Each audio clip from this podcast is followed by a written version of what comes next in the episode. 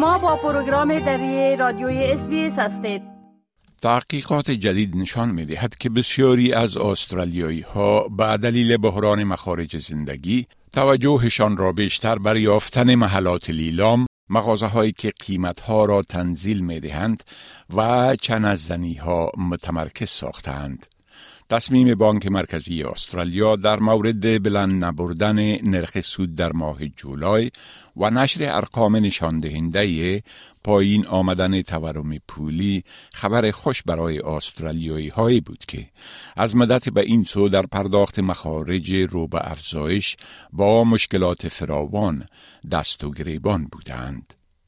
ولی هنوز هم مخارج زندگی به حد بلند است که حتی بسیاری از مردم مشغول کارهای با معاش هم از عهده آن به درستی برآمده نمی توانند. تحقیقات جدیدی که از جانب امازون انجام شده دریافته است که اکثریت مردم استرالیا به خاطر صرفه‌جویی در جستجوی معاملات اختصاصی ارزانتر و منتظر پایین آمدن نرخ‌های اموال و خدمات هستند.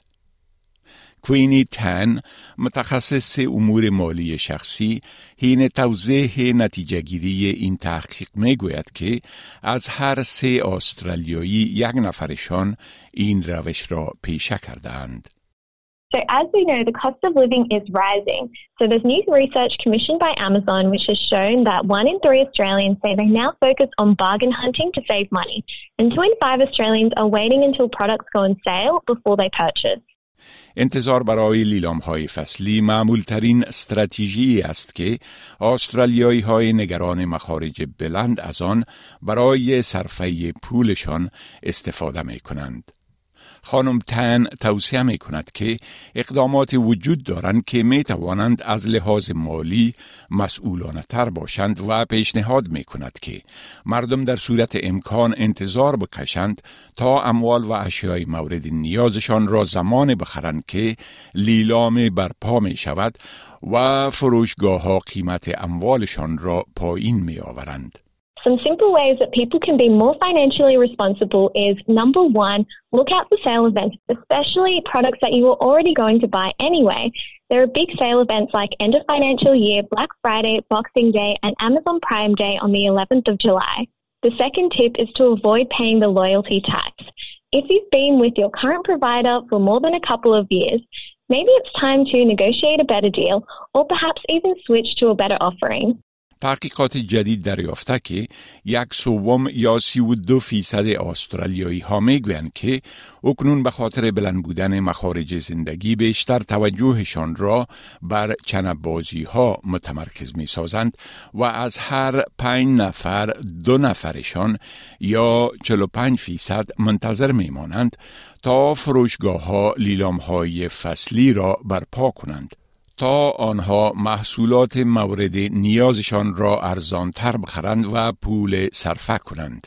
بیش از یک سوم مردم قبل از خرید تحقیق می کنند تا مطمئن شوند که محصول برای آنها مناسب باشد و کمتر از یک سومشان در صدد حصول کوپون ها، پیشنهادها یا معاملات امتیازی هستند تا پول کمتر مصرف کنند.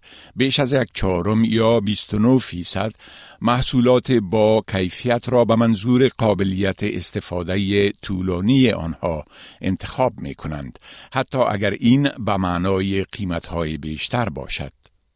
خانم تن می گوید که بلند بودن مخارج زندگی رفتار مردم را تغییر داده و مردم دنبال یک معامله خوب می گردند. بسیاری مردم اشیای مورد ضرورت روزانهشان را به خاطر صرفجویی به صورت عمده می خرند. The cost of living is impacting people's behavior because nowadays people really want a good deal and they want their money to go further. A lot of people are now buying things in bulk, especially during sale events, and especially on staples like nappies, dishwashing tablets, coffee, and toilet paper. And they're also looking for big sale events like Black Friday, Amazon Prime Day, and Boxing Day in order to buy these items on sale. خانم تن هم به استرالیایی ها در زمره توصیه های دیگر مشوره می دهد که به خاطر صرفه در مصارف منتظر لیلام ها باشند و همچنان مهم است که مردم از حقوقشان به حیث مستحلک آگاه باشند. My top tips when hunting for a bargain are number one, wait for sale events across the year. Number two, consider the cost per wear or cost per use of an item. Number three is to research your items before you purchase them.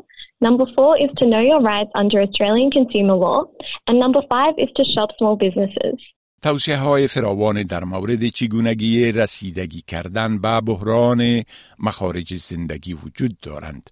یکی از جاهایی که در آن می توان چنین توصیه های را یافت وبسایت دولتی تحت عنوان منی سمارت با آدرس moneysmart.gov.au در صفحه Manage the Cost of Living است. بپسندید شریک سازید و نظر دهید. اسپیس دری را در فیسبوک تعقیب کنید.